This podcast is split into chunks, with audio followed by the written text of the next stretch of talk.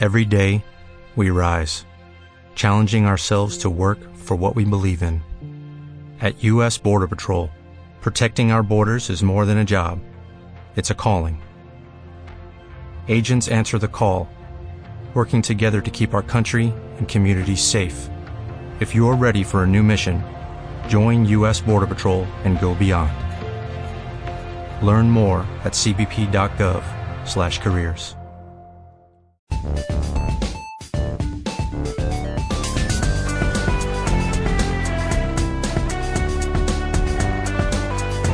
Boca Ràdio per internet. bocaradio.org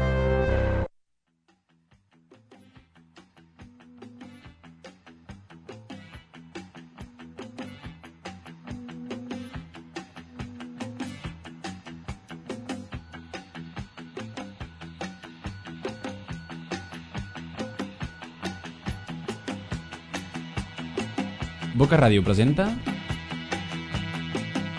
Entre pitos i flautes.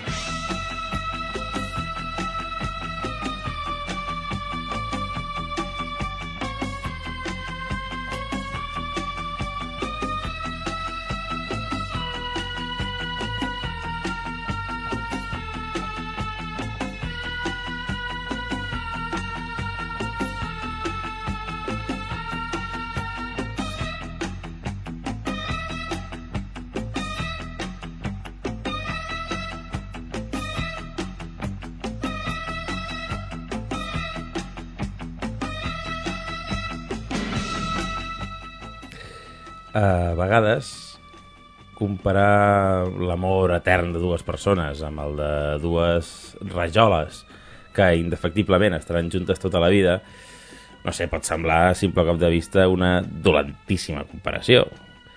I probablement ho sigui.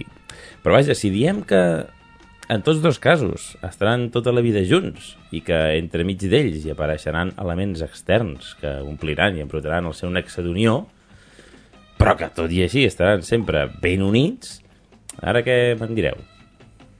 Que sí, bueno, que és una comparació cutre és la xitxera i que hi ha millors comparacions, oi? Però mm, per cutres salsitxeres, això sí, les cançons d'amor, hòstia, és que no se'n salva ni una, eh?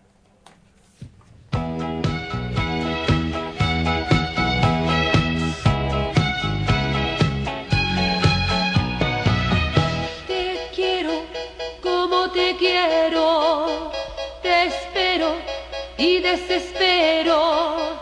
Hoy siento que en un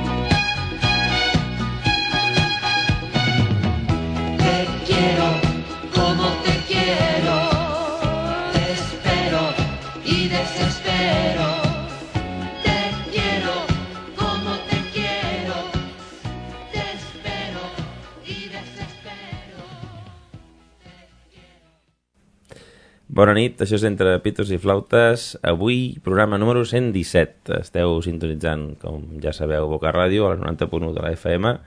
I estarem amb tots vosaltres, si voleu, esclar, de 10 a 11 de la nit. Benvinguts.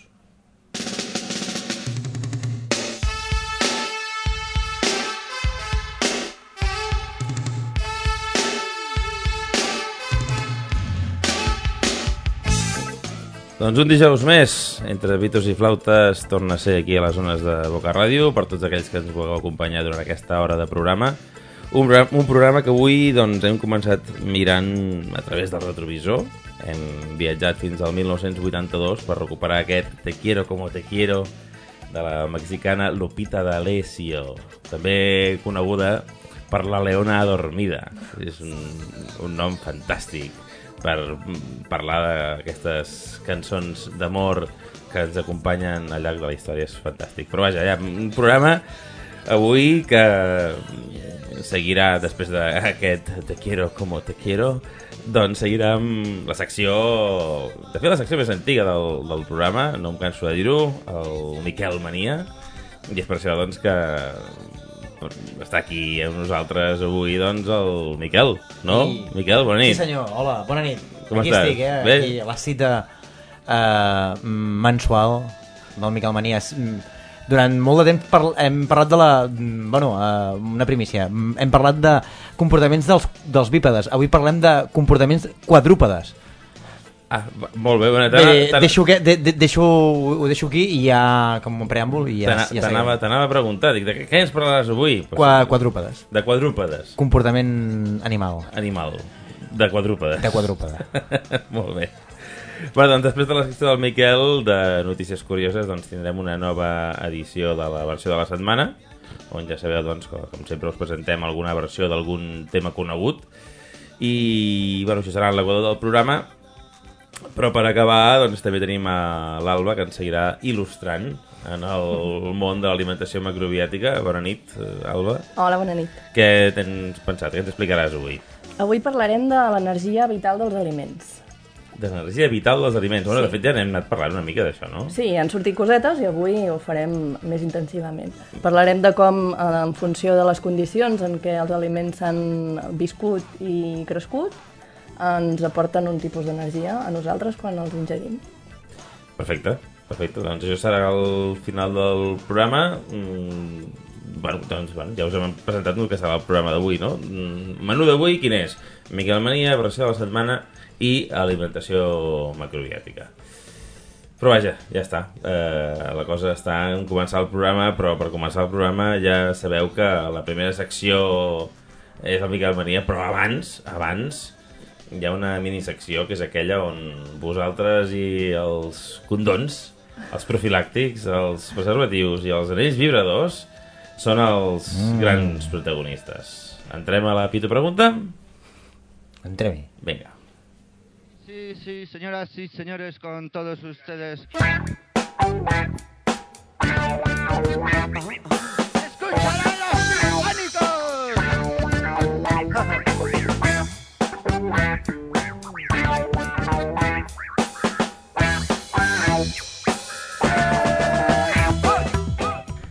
Doncs, com ja sabeu, a l'Entre Pitos i Flautes regalem quinzenalment a- als nostres oients capses de condons i anells vibradors. En l'últim programa que vam fer en directe doncs, ja vam formular la pregunta i doncs, avui es tracta doncs, de llegir les vostres respostes i de fer el sorteig per veure qui és que s'emporta aquest pack de dues capses de condons i, i d'un anell vibrador. I bueno, l'encarregat de llegir les vostres respostes és el nostre tècnic de so. Bona nit, Oriol. Estàs preparat? Estàs... Sempre estic aquí. Tens carraspera? Estàs allà... Ah, ah, ah, S'ha s'ha sentit a través del vidre o no? Sí, els oients Sí, no ho- m'han escoltat, però nosaltres t'hem vist. Ah, vale. Sí, sí, sí. Deixa'm-ho fer abans d'activar el micro. No, no, bé, bé, ho has fet bé, ho has fet bé. Doncs, Oriol, què? Uh, qui i què ens han contestat uh, aquesta vegada? Doncs, a veure, uh, has dit ja la, quina és la pitu pregunta? No, però doncs ho dic jo. ho diràs tu. La pitu pregunta d'aquesta setmana o d'aquesta... L'última quinzena, Quinzena. La, que, la que ja vam formular fa 15 dies, Exacte. És... era... Bueno, però encara és... Bueno, però... Era, ja no ningú, ja ningú pot contestar. Però jo, jo sí, jo faré les respostes ara. Vale, vale. Quina és, uh, quin és el vostre insult preferit? No té més. Aquesta és la pregunta, senzilla. Les respostes ja veurem. Doncs tenim, a veure quantes tenim, 5, pre... cinc respostes. La primera està mal. ens ha respost el Roberto i diu, burro! Sí, és un clàssic. Ingeniós. Diu, no és el pitjor insult, però et quedes a gust, que és el que compta. Sí, sí. Amb els sí. insults és el que compta. Sí, sí. La segona resposta és la Glòria. Cal dir que la Glòria és una noia que treballa en uns pisos, en uns pisos tutelats. Uh -huh. Y ens diu, un insulto que me hace mucha gracia y que repito mucho es el de una, el de una chica ah, de mi piso. ¿Qué dice? ¿Qué dice? ¡Aba! sí, sí. Ah, Ava. Ava, Ava, ¿no? go- Ava, Ah. go- Ava gol. Y, y ella aclara, que quiere decir pava. Ah, vale, pava, però la, la, la nana diu Ava. Exacte. Bueno, és carinyós. Estaria, no, el que estaria... Sí, molt. Evita. Eh, bueno, no, el tema, el tema és que potser la gràcia seria en escoltar a la, a la noia com, com ho diu, no? Clar. Que suposo que és per, lo, per la qual cosa Depèn- a la Glòria li deu fer gràcia. Depèn amb, amb la mala llet que ho puguis dir, pot canviar molt. Ah, sí, això segur, això segur. Doncs, Què més tenim? La tercera, és el Lluís, diu M'agrada quan et diuen ets un puta. Però, Sí. clar, eh, de, la, de la forma amistosa, eh? és, aquest, és aquest puta, saps? Que té aquestes dues connotacions, doncs el de la forma amistosa. Li agrada molt. El quart, la Bibi, crec que és una clàssica ja. Sí, sí, jo em sembla, jo, ni que sigui per persistència, Exacte. jo crec que algun dia li hauríem de donar el, Bueno, el, la el probabilitat hi haurà un moment que farà la seva feina. Exacte, jo crec que sí, jo crec que sí. Doncs la Bibi diu, diu gilipolles, Ah. A qui li diu això? Diu, perquè sonorament és amb la que et quedes més a gust. O sigui, ella juga molt amb la fonètica, veig, és, és l'important. Mhm. Diu, bueno, com sempre, l'important és que la persona que ho diu es, realment es quedi gust. Sí, sí, sí. Sí. Ho fas més per tu que per l'altre. O sigui, tu no insultes l'altre, tu et quedes a gust tu. Sí, però realment... Veig que la idea és aquesta, el, eh? Sí, realment a vegades el que, el que vols dir, o sigui, l'insult que vols dir, a vegades no, no el penses. És a dir, no, no vull insultar aquella persona dient-li que és d'aquesta manera. Què, necessit, lo què necessito dir jo? Eh, Exacte. Ja sé.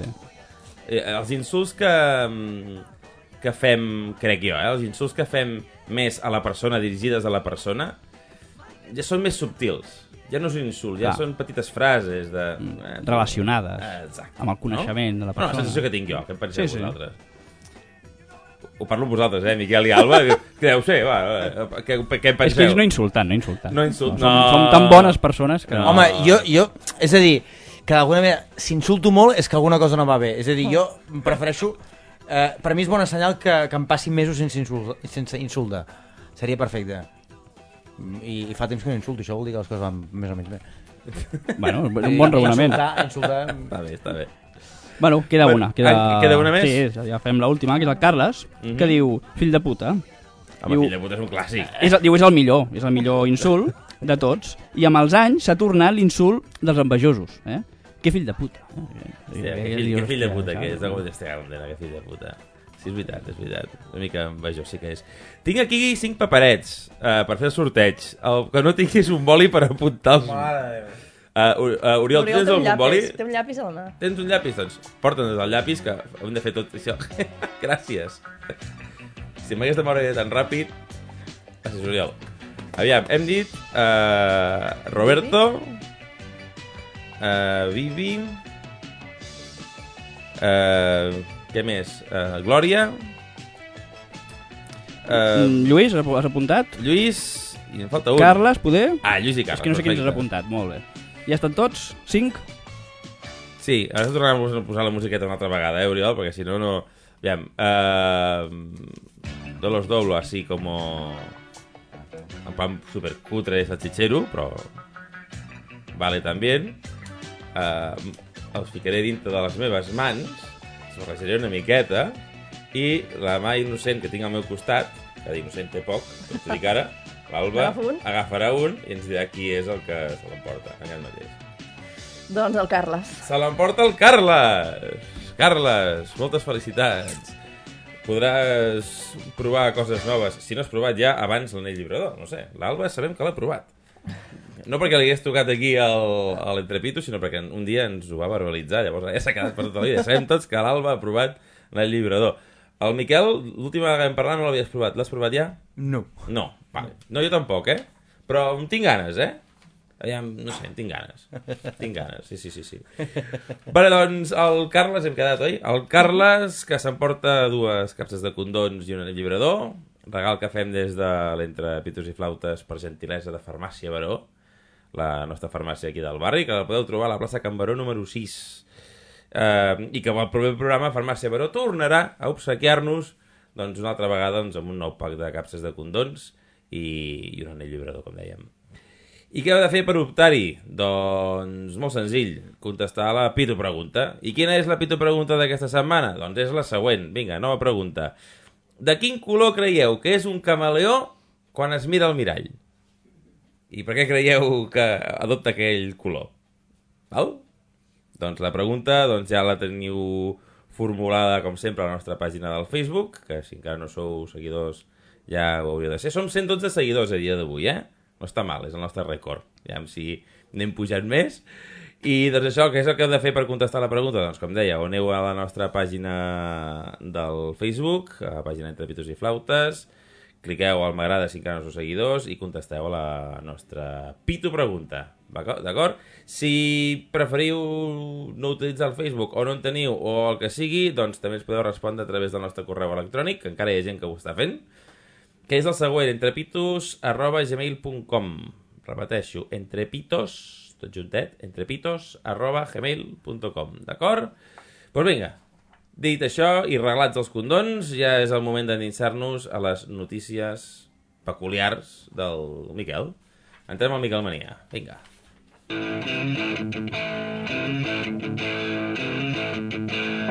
¿Qué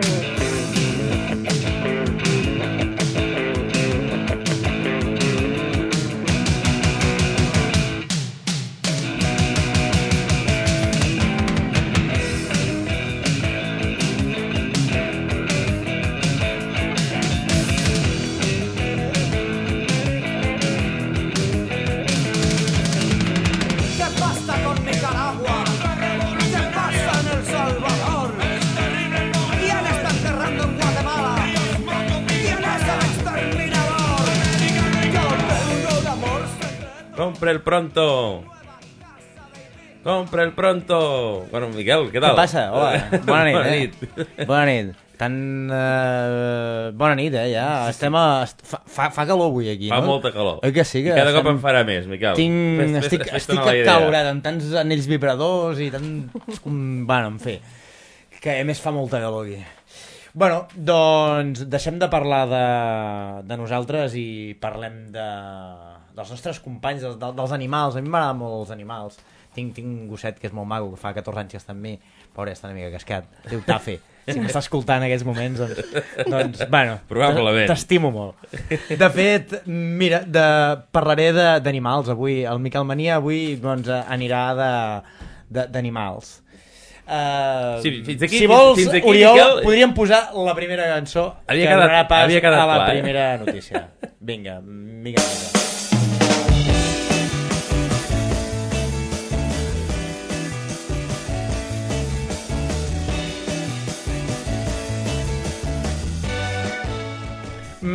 Fa, fa unes setmanes vaig estar per Cádiz, una, una província molt, molt bonica, i entre, entre una de les seves coses maques, a part de que és l'únic lloc d'Espanya que hi ha camaleons, que ara, em- quan el Sergi parlava del tema de camaleons, doncs hi ha, hi ha unes contrades litorals doncs, que, que es pot veure. No vaig poder gaudir de la seva presència, no els vaig trobar, però el que sí que vaig trobar va ser una au, una au, una au que es diu Ibis eremita, que està... Jo no sóc un expert en, en animals ni, ni en ocells, m'agraden molt, eh? M'agrada molt l'orn- l'ornitologia. Doncs aquest, aquest, aquest ocell es diu Ibis eremita i està en perill d'extinció crític.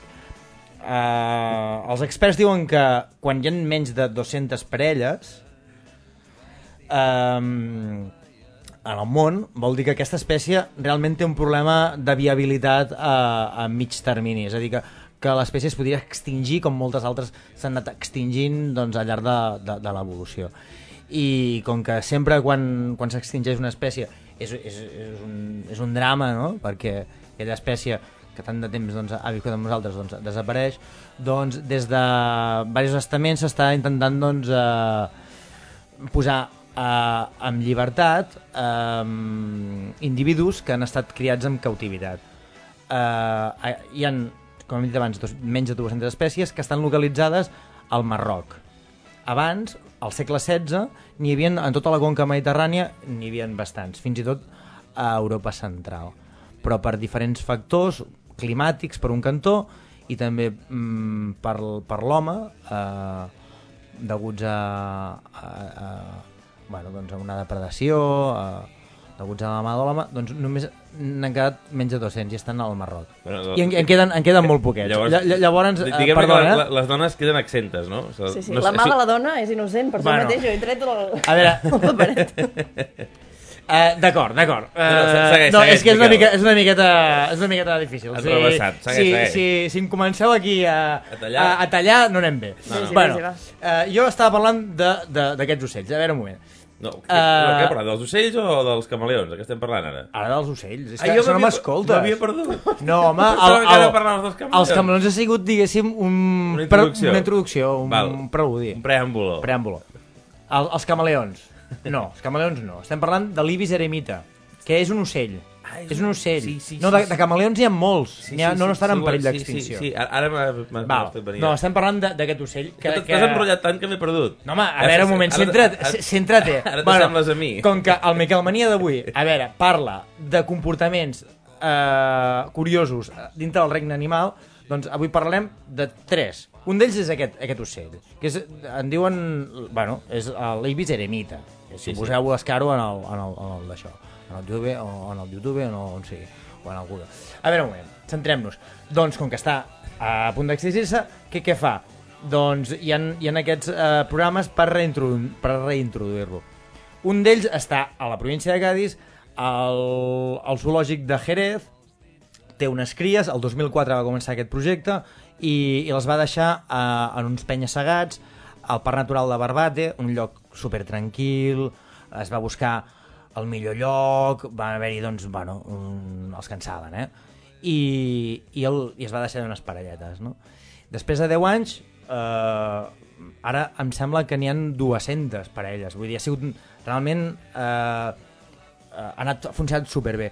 Però el, el que és molt curiós, perdona duplicat, no? Sergi, el que és molt curiós és que aquests bitxos, eh, els, els ornitòlegs que es pensaven que allà estarien de puta mare, doncs el que hem fet ha sigut marxar d'aquells penya-segats de Barbate al parc, al parc natural de Barbate, que és un lloc super tranquil, doncs han anat i estan criant els seus els seus eh, polluelos al costat de la Nacional 340, al costat d'una batzinera, que hi ha un fullon de, de cuidado, i els vaig anar a veure, no? I és molt curiós perquè tu estàs a la Nacional 340, a, a, està la barca de Bejer, eh, hi ha tot de turistes, hi ha un restaurant, hi ha, i estan els bitxos allà ficats, i tots els or- or- ornitòlegs i la gent doncs, que ens agrada, doncs, el, els estem, no? estem mirant aquell, aquell au que, que està doncs, a punt d'extingir-se, no, que, que realment es podia haver extingit però que sembla que, que està salvant. I estem allà, estem allà doncs, ga- gaudint realment en un lloc eh, superurbanitzat eh, i vaig estar parlant amb ells, vaig tenir l'oportunitat doncs, de, de parlar doncs, amb, Amb els ibis. amb, amb, els, amb amb, la gent de. Jerez Ah. amb la gent de Jerez que està doncs, fent aquest projecte Sí, i, que aquest és el i, i, es van quedar, Sí, no? i es van quedar esparverats gent doncs, que es porta anys, porta tota la vida doncs, eh, amb ocells, doncs, aquests, aquests, aquestes coses, no? Que, que aquestes sorpreses. No? Home, no sé, Miquel, no sé, I sí, sí, sí que em va podríem, resultar molt curiós. podríem considerar que aquest eh, espècie o, o família o que sigui d'ocells Sí. que els podríem considerar així com molt catxondos.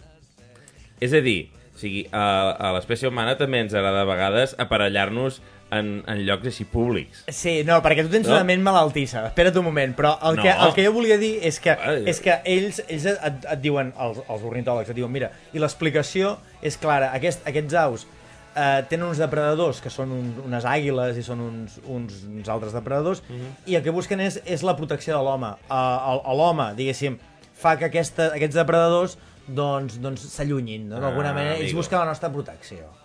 Oh, aquesta és la, que aque, a, aquesta és l'explicació, però que d'alguna manera doncs, no s'esperava. De l'home i de la Eh, dona, imagino, no? De l'home i de la dona, és que...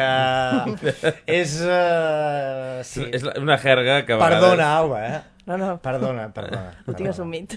L'home i la dona. És veritat. Políticament no sóc gaire, no sóc gaire correcte. Ens portes alguna cosa més, oi? Intentarem millorar-ho. Sempre. Sempre millorant.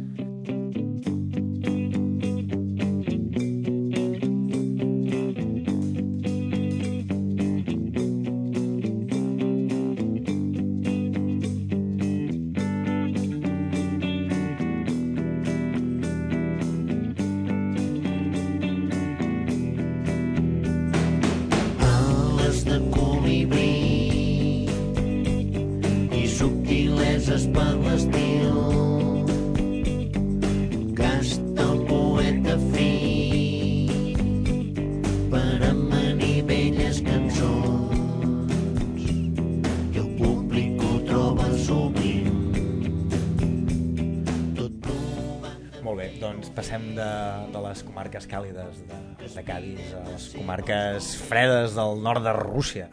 Doncs a, a Rússia eh, hi ha l'os bru, que és originari de- d'aquelles contrades. No, exacta, no sé exactament quines, quines comarques són, però estem parlant del nord. Uh, De fa mo- molt fred. de molt al nord. Allà hi ha l'os bru que se sent atret, curiosament, els, els, mm, els científics van veure doncs, que, que seguia els rastres dels, dels helicòpters. Uh, moltes vegades l'helicòpter doncs, segueix els animals doncs, per, per estudiar-los o per, per veure doncs, cap on migren, cap on van. Doncs, en aquest cas els animals seguien l'helicòpter. I no sabien ben bé per què. Si el soroll i al final van arribar a la conclusió que se senten atrets per la- l'olor a benzina. L'olor a benzina, aquesta olor tan, tan forta que hi ha gent que li agrada, gent que no li agrada doncs els, els resultava molt, molt, molt peculiar M'agradaria Com, com... com els ocells d'abans, no? Que també estava al costat d'una benzinera. Sí, Eh? sí, sembla, sembla mentida, no? Però sí, en aquest fet el que m'agradaria és, és poder anar a Rússia i poder doncs, estar viure sobre el terreny aquesta experiència d'aquest os bru. Uh, bueno, és un tema pendent, uh, però que va resultar molt curiós quan ho vaig descobrir. Mm, quines coses, eh? Què passa? pel món?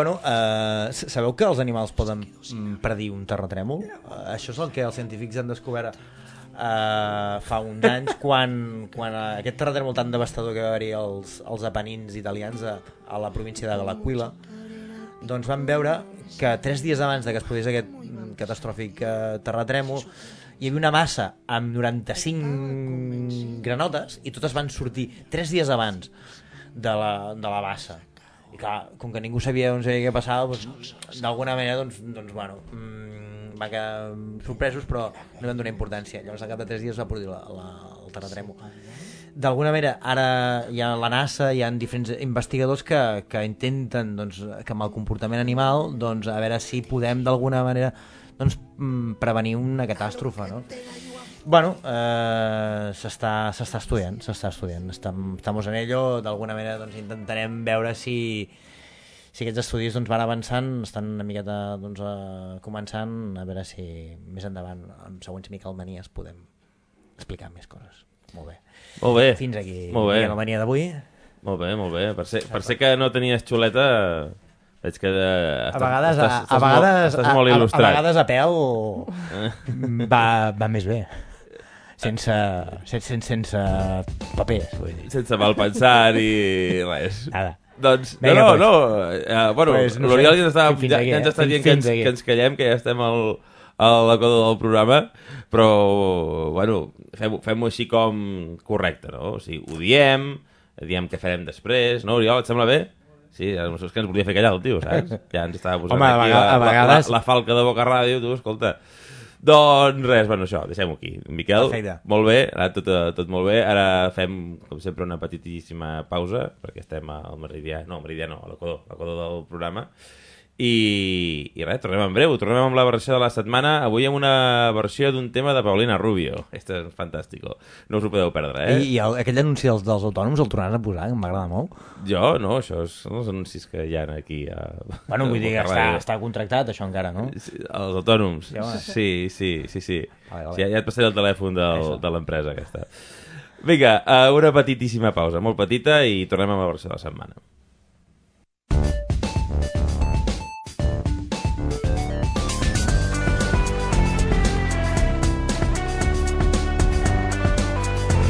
Boca Ràdio per internet.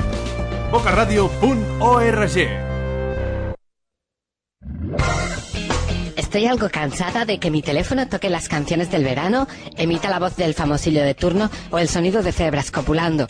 Son tonos tan insustanciales, ya no me llenan. Ahora puedes dotar de mayor profundidad intelectual a tu móvil con los tonos de los grandes filósofos. Hola, soy Sócrates. Solo sé que no sé nada y que te están llamando. Hola, soy René Descartes. ¿Te llaman? ¿Luego existes? Hola, soy Nietzsche. ¡Coge el teléfono, coño! Envía el mensaje tono, espacio y el nombre de tu filósofo favorito al 44444 si quieres que tu móvil sea el más metafísico. Y si envías politono, espacio, Aristóteles al 44444 tendrás en tu móvil a Aristóteles cantando la camisa negra de Juanes. Tengo la camisa negra. ¿Por qué negra tengo el agora? No seas garrulo, culturiza tu móvil. Hola, soy Michael Knight. Sempre que vaig amb el cotxe escolto Boca Ràdio.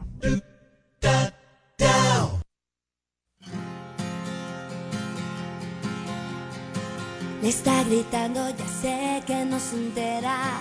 El corazón escucha tu cabeza, pero ¿a dónde vas? Me estás escuchando. Y hay de tu orgullo que habíamos quedado. La noche empieza y con ella mi camino. Solas con mi mejor vestido, pero ¿a dónde estás? ¿Qué es lo que ha pasado? ¿Qué es lo que queda después de tantos años? Y esos ojos que un día me miraron. Busco tu boca, tus manos, tus abrazos, pero tú no sientes nada y te disfrazas de cordialidad.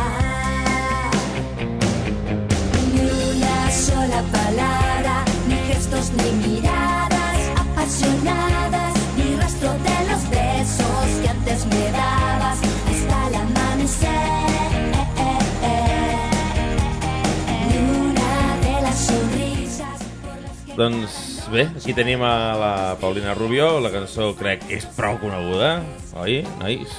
I tot, tothom la coneix aquí, no? No sé si els nostres oients també la coneixen. Va ser... Diguem-ne que lo estuvo petando, no? Fa uns quants estius, no? o durant un parell d'estius inclús. No sé... Ara no ho sabria situar, però vaja, és el, és el, és el de menys. Doncs d'aquesta cançó, un un artista d'aquí, i quan dic eh, d'aquí em refereixo a, a Catalunya, i per això la versió d'avui és en català, mm, no, és, no és tant d'aquí, d'aquí, de Barcelona, eh, és de més enllà de Barcelona, però bueno, diguem-ne que agafaria el, el territori català, eh? Doncs eh, em fa una versió eh, com si de... Bueno, com si d'un cantautor es tractés. Bueno, escoltem-la, escoltem-la i, i després en parlem. Ni una sola paraula, ojo, eh?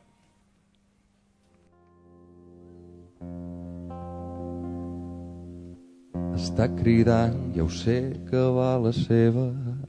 El cor només escolta el teu cap, te vas? M'estàs escoltant? On és l'orgull en què havíem quedat? La nit comença i amb ell el meu camí. Et busco sol amb el meu millor vestit, però en collons estàs? Què és el que coi passa? Què és el que queda després de tots aquests anys? Miro aquests ulls teus que un dia em miraren. Busco la boca, les mans, una abraçada, però tu no sents res de res i et disfresses de cordialitat. Ni una sola paraula, ni gestos ni mirades apassionades, ni rastre dels petons que abans em donaves fins que sortia el sol. Oh, oh, oh. Ni una d'aquelles rialles per les que cada nit i cada un dels dies somiquen aquests ulls en els que tu ara et veus. Com una joguina picant contra paret Surto a trobar-te i em perdo perquè busco una oportunitat Un miracle, un encanteri Tornar-me guapo i tu més guapa encara. Davant d'aquests ulls que un dia em miraren Poso l'esquena i unes quantes passes i compto una altra derrota mentre per sota em dic que mai més sola paraula, ni gestos ni mirades apassionades, ni rastre dels petons que abans em donaves fins que sortia el sol. Oh, oh, oh. Ni una d'aquelles rialles per les que cada nit i cada un dels dies somiquen aquests ulls en els que tu ara et veus. Això no pot ser, no sóc jo. Tinc una nosa dins del cor per no ser de gel quan el cel em demana paciència. Ni una sola paraula, ni gestos ni mirades apassionades, ni rastre dels petons que abans em donaves fins que sortia el sol. Oh, oh, oh ni una d'aquelles rialles per les que cada nit i cada un dels dies somiquen aquests ulls en els que tu ara et veus.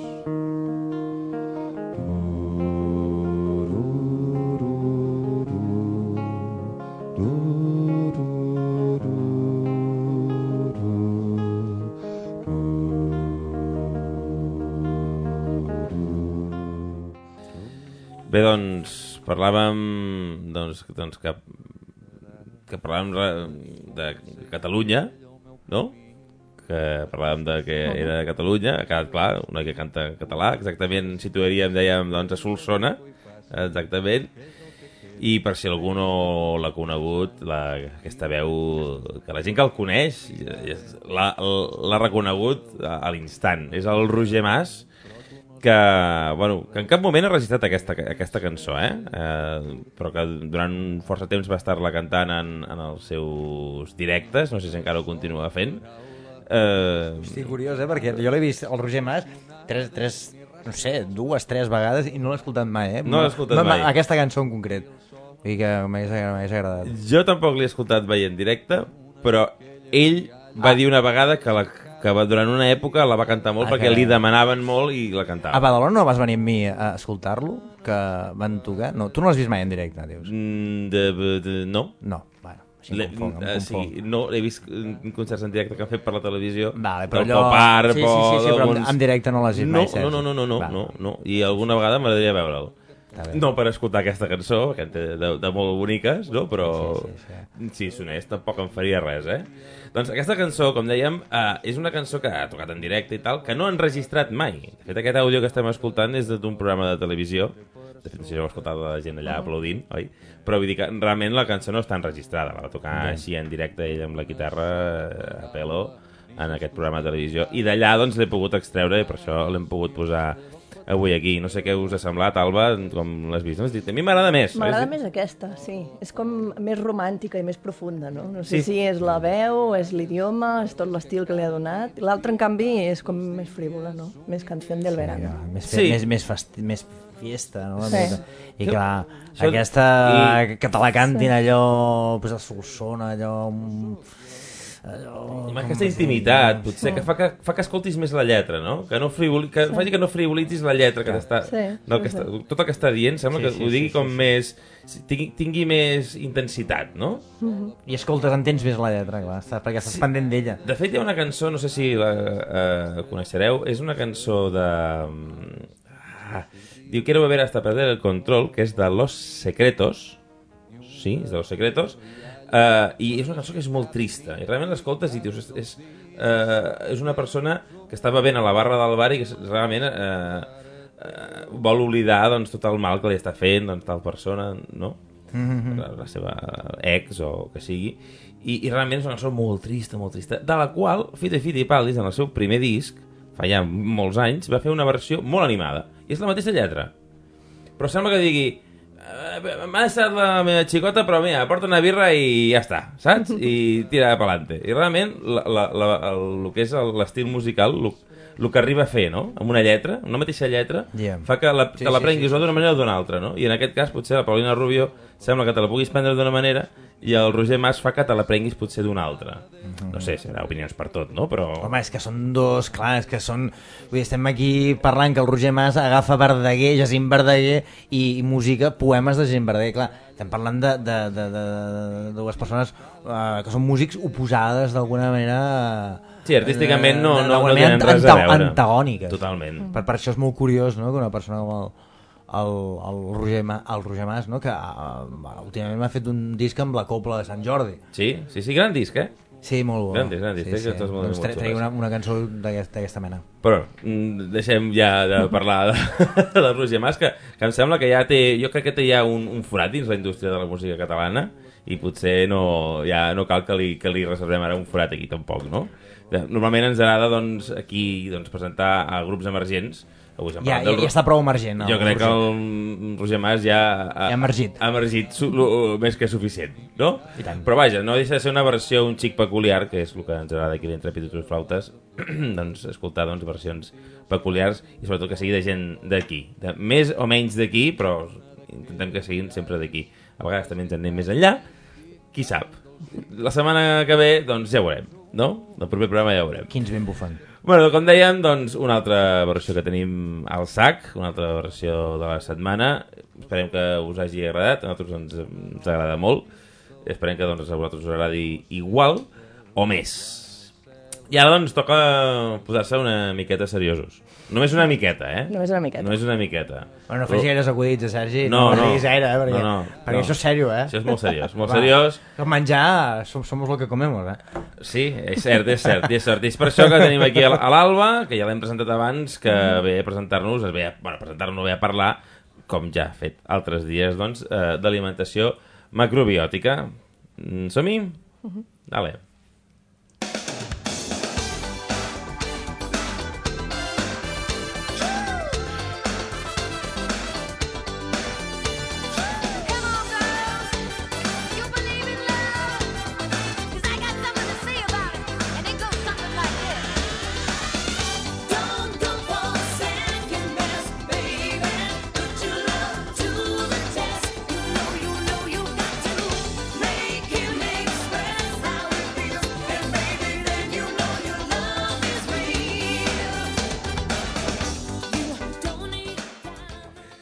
Doncs vinga, Alba, abans ens has dit que ens parlaries mm, de... De l'energia vital dels aliments. Gràcies, perquè ja no me'n recordava. Sí, avui filarem, filarem una mica més prim perquè com que els nostres oients ara ja estan molt ben introduïts en les bases de l'alimentació macrobiòtica i com que ja coneixen perfectament el principi unificador, és a dir, el yin i el yang, vosaltres també ja ho coneixeu perfectament, I tant. Doncs avui eh, farem aquest desenvolupament eh, del que són els efectes de l'alimentació en la nostra energia vital interna. D'acord? Doncs a veure, el George Osawa, de qui ja vam parlar en el primer programa, eh, juntament amb el Michio Kushi, Que qui, són, que qui són? Que qui, són qui són? els japonesos que van desenvolupar la macrobiòtica a principis de... Bueno, l'Osawa a principis de segle i el Michio Kushi, que encara viu, va Mhm. fer la, la seva feina cap als 60. Doncs ells són qui van desenvolupar el vincle entre la medicina tradicional oriental i l'alimentació macrobiòtica. Aquest vincle es basa en què al principi, eh, o sigui, es basa en el principi en què tot posseix energia vital.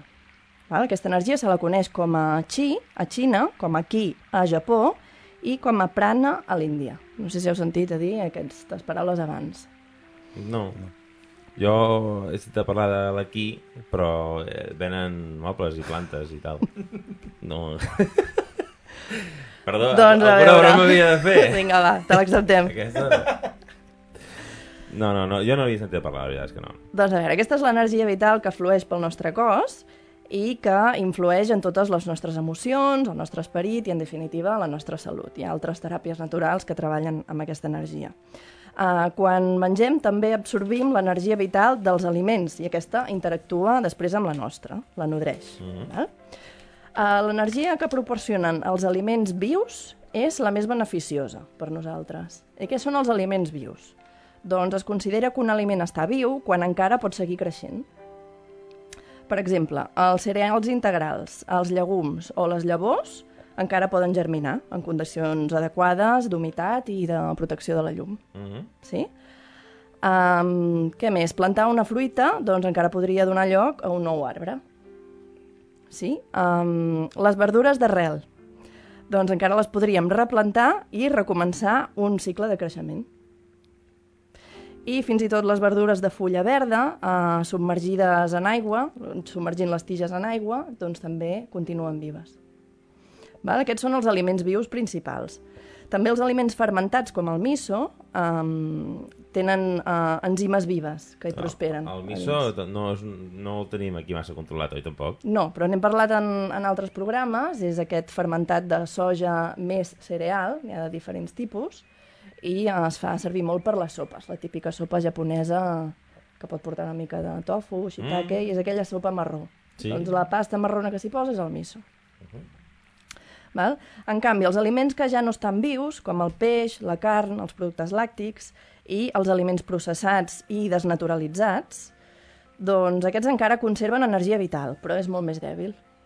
Val? Actualment, de fet, és possible veure l'energia vital dels aliments a través d'una foto Kirlian. No sé si coneixeu el que és aquesta foto. Um, no us puc explicar molt de detall com és el procediment, però en tot cas és una foto que es pren sobre uh, paper fotogràfic directament, amb un aparell que capta la reordenació dels electrons al voltant d'un objecte després d'haver-li descarregat una forta uh, alta tensió, sigui, forta tensió, entre 20.000 i 40.000 volts. Llavors això fa que tots els electrons al voltant de l'objecte es belluguin i és així quan veus quins n'hi ha i quants n'hi ha. Ahà. Val? Doncs bé, Això dit segur això... Que, segur que el Lluís ens explicaria Sí, segur. 30.000 coses de... Segur, segur, jo també ho he pensat. en fi, doncs hi ha diferents factors que influeixen en, en l'energia dels aliments. En repassarem alguns. Val? Un és la direcció en què creixen. Aquesta és l'energia direccional, que en diem. I l'energia direccional dels aliments eh, guien també la nostra energia corporal. Això es capta sobretot en el cas de les verdures. Per exemple, l'api o la ceba tendra tenen una energia eh, direccional ascendent, cap amunt, perquè creixen cap amunt. Com que tendeixen a enviar més energia cap al cap i cap al cor, fa que ens sentim més lleugers. En canvi, les verdures d'arrel eh, estimulen l'assentament de l'energia, perquè creixen cap a baix, i eh, enforteixen eh, la part baixa del ventre, cosa que ens fa ser més pràctics i tenir els peus a terra. Ah, bueno, interessant també, de tant en tant tenir els Mm. peus a terra, eh? Sí. Um, un altre factor és el clima i l'estació. N'hem parlat també anteriorment. En un clima temperat, com és el cas del Mediterrani, els aliments disponibles en cada estació concreta aporten l'estructura energètica i biològica d'aquella estació i promouen que ens sentim en harmonia amb les característiques climàtiques. Per exemple, prendre productes tropicals com els plàtans o la pinya en un clima fred eh, pot fer que no ens sentim bé en harmonia amb l'entorn, que no ens hi adaptem bé. En canvi, si sobretot el que fem és eh, consumir fruites i verdures eh, d'estació, començarem a absorbir l'energia de les estacions amb més força i establir una connexió més poderosa amb els ritmes de la naturalesa. Mm -hmm. Val? Això ens ajudarà a la llarga a ser més, flexibto, uh, més flexibles i adaptar-nos millor amb els canvis de la vida i del món en què vivim. Home, això a dia d'avui, ho comentàvem l'altre dia, a dia d'avui, clar, doncs, podem consultar, etc, etc, quines són les fruites i les verdures de cada estació. Però vull dir, com que ara trobem eh, fruites a la fruiteria, que no és l'estació que li pertoca, Mhm. però les trobem allà perquè ens les porten d'un altre lloc, o amb, amb, el, amb les invernaderos, o totes aquestes coses, Exacte. fan meravelles, no? Doncs eh, potser això altera una mica, no?, tot aquesta, aquest equilibri que hauria de, de tenir mm, aquestes fruites o que ens haurien de portar tots aquests Ah, aliments. A més, ara que menciones lo de l'hivernacle, el següent punt de què anava a parlar és el medi en què es desenvolupen aquests aliments, que també repercuteix molt en la seva energia i en, en l'energia que n'absorbim. Uh, per exemple, les parts de les verdures que creixen per sobre de terra, com les fulles verdes, el bròquil, etc., absorbeixen l'energia canviant i àmplia de l'aire. Però això sí, si han crescut a l'exterior, no en un hivernacle. En un hivernacle no l'absorbirien tant, l'energia d'estar de l'aire lliure. Però els aliments que sí que han crescut a l'exterior i a l'aire lliure, eh, com que interactuen amb el vent, amb el sol, amb els canvis de temperatura, la nit i el dia, etc., doncs eh, fa que quan els absorbim ens ajudin també a acceptar millor i amb millor disposició eh, els, els canvis en, en la nostra vida i també equilibrar el nostre estat d'ànim. D'altra banda, les verdures d'arrel, com que aquestes es desenvolupen a sota de terra, com per exemple les pastanagues, les xirivies i els raves, doncs es nodreixen d'un ambient molt més estable i aquests ens ajuden a sentir-nos més estables, també. En canvi, en el cas de les algues i el peix, que capten el flux marí, també capten la nit i el dia, eh, estan submesos a canvis més lents i breus, però les algues en particular tenen una qualitat elàstica, ja que segueixen també els fluxos marins, que ens ajuda també a nosaltres a ser més flexibles, més perseverants i més tolerants. Ara una pregunta, no sé si ho sabràs, eh, perquè és una, una, una curiositat que m'ha vingut a mi al, al, al cap, és que, eh, clar, el, parlàvem abans dels hivernacles, no? que fa que, pu Mhm. que puguis fer créixer depèn de quins aliments i tal. En el cas de les algues, s'ha inventat alguna manera per les, que les algues siguin en, de, de, de piscifactoria o alguna cosa d'aquestes que les plantes i, i... Bueno, no ho sé, eh? Sí, Ho saps o no? les algues es cultiven. Es cultiven, també. Sí, Sí. Uh, però es cultiven al mar i en condicions naturals i es venen com a producte ecològic. Simplement uh, es facilita la seva reproducció. Ok, bé. Sí, Sí, o sigui que sí. les algues, diguem que seria un, un d'aquells aliments que, que no tenen ni trampa ni cartó, no? No, Sí, vull dir que són... no, es cultiven com moltes altres verdures de forma ecològica i natural a dins del mar. Molt bé, molt bé. Veus, veus, Más, más, no, no me... Com és allò, aquella frase? Nunca te acostarás sin saber una cosa más. Bueno, una... Hoy no, eh? Avui unes quantes, perquè quan, quan ve l'alba a mi m'al·lucina. Segueix, segueix, A perdona. veure, en tenim algunes més. Uh, una altra cosa que influeix és el lloc on han crescut els aliments que ingerim. Uh, per exemple, una pastanaga que hagi crescut en un sòl rocós doncs tindrà una energia més tenaç i més forta que la que ha crescut en un sòl suau i ben llaurat. I aquestes pastanagues justament les distingim perquè solen ser retorçades, asimètriques, i són justament les que quan anem al mercat eh, ens amaguen. No? Ens treuen les altres i diuen, tens pastanagues més maques, aquelles totes tan finetes i totes iguals. Doncs l'energia de les altres és molt més poderosa perquè s'han obert camí en, en condicions més difícils. Els xicos que et costa més tallar-les després, les has de pelar Ja. i tot això. Sí, i això és el que pelador ens- s'encalla. Clar, ens, ens, ens, ens treu minuts. Ens treu minuts, això. Ai. Cas on tenen. Som, som tiquis-miquis, eh? Uf, i tant. Pel que fa al peix, per exemple, un salmó que ha de nedar a contracorrent també té una energia més tenaç que un calamar que neda en aigües càlides. Això sempre tenint en compte que no són peixos de, de piscifactoria, que sempre ho diem. Mm -hmm. Um, D'altra banda, les fruites d'un arbre, per exemple, com les pomes, les prunes, com que creixen a certa distància del terra, fan que ens sentim més allunyats dels assumptes pràctics quotidians i que ens relaxem i desenvolupem la nostra imaginació. Va. En canvi, Això pel que fa al medi en què viuen. dic, en canvi, uh, un, un, un meló, no?, que, que creix allà Creix a, a- a, a, sí. recolzat al sol. Afortunadament, eh? Perquè Sí. no creixen als arbres. Perquè Sí, els imagina- patirien els arbres, eh? Bueno, i si estàs a sota fent la migdiada, imagina. Podríem tenir algun problema, no? doncs aquests, diguem-ne, que són els que ens fan estar tocant veus a terra, no? Com, no? O... Sí, so, sobretot els que creixen cap avall. Per tant, eh, per contraposició, els que creixen més amunt doncs ens, ens fan elevar el pensament Mhm. d'una altra manera. Mm? Molt bé. Que poètic, eh? Sí. Um, Sí, va. sí, sí, si parlem de, de poesia i de, i de fruites, hauríem de parlar dels fruits sabrosos, no? De, del carner, de Josep Carner, eh que sí? Però bueno, és igual, no Ara parlarem no, ara de- no- ni de les ara no magranes el flamejant, ni de, ni de les peres jovenetes. Que subtil, eh? Les Um, peres jovenetes, que és maco, això. Les peres jovenetes. Sí. Però, per favor. Les peres de Sant Joan, que ara, ara n'és l'època. Sí, sí, Aquí el nom et dona una pista, Sergi, que no et perdis. Les Sí. peres de Sant Joan Sí. surten per Sant Joan. Eh, sí, sí, sí, no, no, no, no les compressin pas a l'octubre, no? Exacte. Són aquelles, aquelles petitones Sí. així dures, estan molt bones. Sí, sí.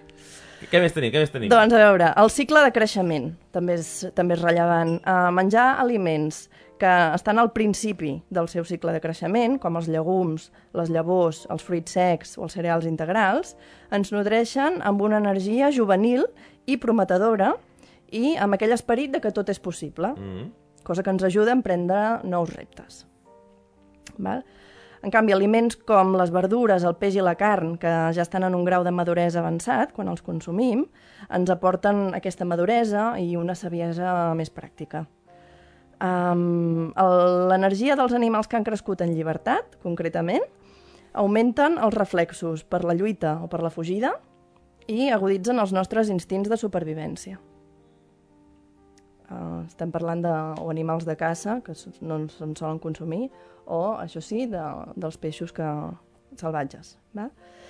I d'altra banda, uh, les carns de la poma, per exemple, que alimenten les llavors, o bé la llet, són els típics aliments que proporcionen l'energia necessària als primers anys de vida, perquè tranquil·litzen i nodreixen profundament.